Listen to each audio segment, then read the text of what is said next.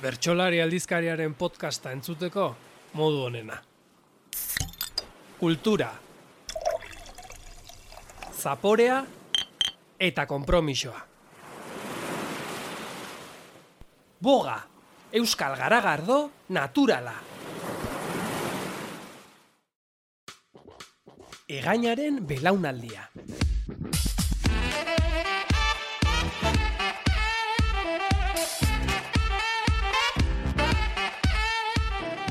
Bertsolaritzan lurrikara eragin zuen belaunaldi baten pasadizoak eta gogoetak.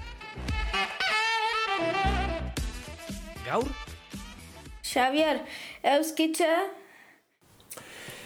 Behin joan ginduan bertsotara irisarrira. Eta iritsi gaituk eta ni iritsi nintzenean murua orduan txekotxe aparkatzen. Eta pare bat leku zeudean e, gainera bertan jartzen zuela, erreserbatutako lekuak zirela. Baina, han gizon bateo zeuan, sarreran, eta arek esan ziban, utzi utzi hemen txe. Uztazu hemen otoa, eta antxe utzi genian, eta egin genian behintza sai hori, eta gainera oso gozagarria izan nuen eretzako saio hura. E, ezponda ere anuan, Dominik ezponda, txomin ezponda, eta bintzat e, nik orduan belarritakoa pekentia urrezkoa nian, eta puntutan ari ginela e, haiek ardilen zat erabiltzen dutela pekentia eta ni ara azaldu nitzanean berriz da, eta alako baten e, puntu bat bertsoari bukaera emateko botazian ezpondak izugarri gustatu zitzaidana. Hau nitzurre duzue edo ardirik ez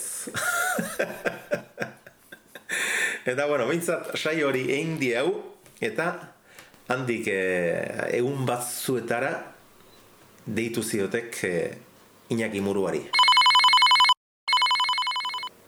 esan ez, e, bai, e, deitzen zaitut e, irisarriko herriko etxetik, zen eta bada isun bat hemen zure otoari ezarria, eta hori behauzu patu eta, eta muruak.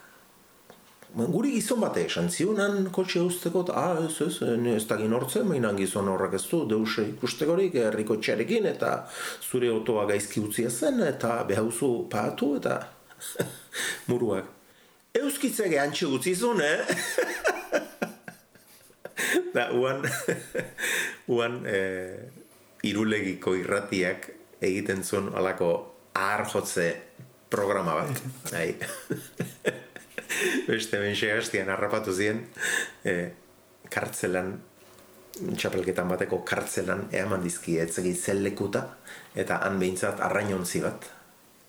Eta arrainontzi eurtako arraina hilda azaldu zala eta e, puru puru ondorrak zeudela da Sebastianek akatu izango zula arrainura eta Horako egite zizkien da, akordatzen hauk, segituan deitu ziatela irulegiko irratitik, bak ez oza errandu, muruak eta zeta, euskitze gehantxe utzita zeugan, eh?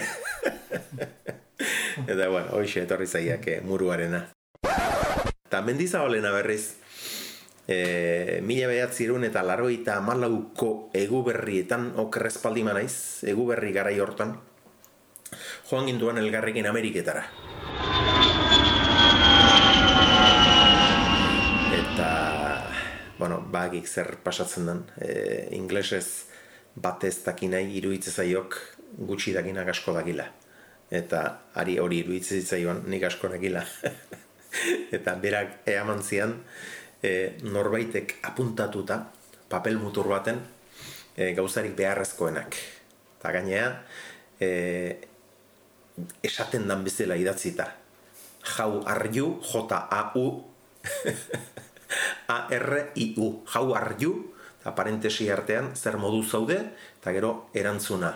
Beri gut, B-E-R-I, eta G-U-D eta alaxe idatzi eta han ibiliguan ikasten da, haiek memorizatzen da.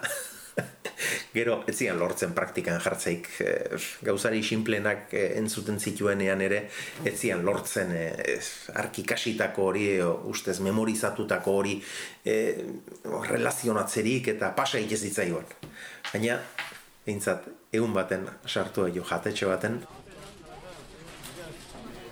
eta neskak esan zion, "Eh, how are you? Eta harrapatu, mendizabale, i, oi, oi bazeginik, guri bet, guri bet! Erantzun zion. Very good, zeugean, ustez ikasita, eta kriston pozak inda komentzitmentuak esan zion, guri bet, guri bet!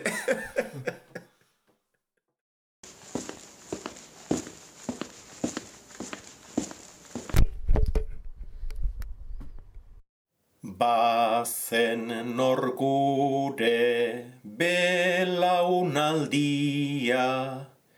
bere penditz eta zama, mundu ikuskera batek urbildu, gintuen elkarren Batzuk oraindik hortxe dabiltza, beraz ez da iragana. Baina koplari mututu honek, poz bat berekin darama. Gure aurrekoei jasotakoa, ondoren goei emana, ondoren goei emana.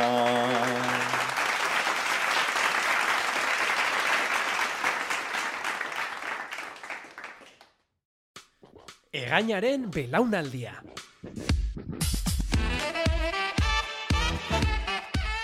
Belaunaldi honen pasadizo eta gogoeten inguruan gehiago jakin nahi baduzu, eskatu gure aleberezi hau bertsolari.eusen edo idatzi administrazioa abildua bertsolari.eusera.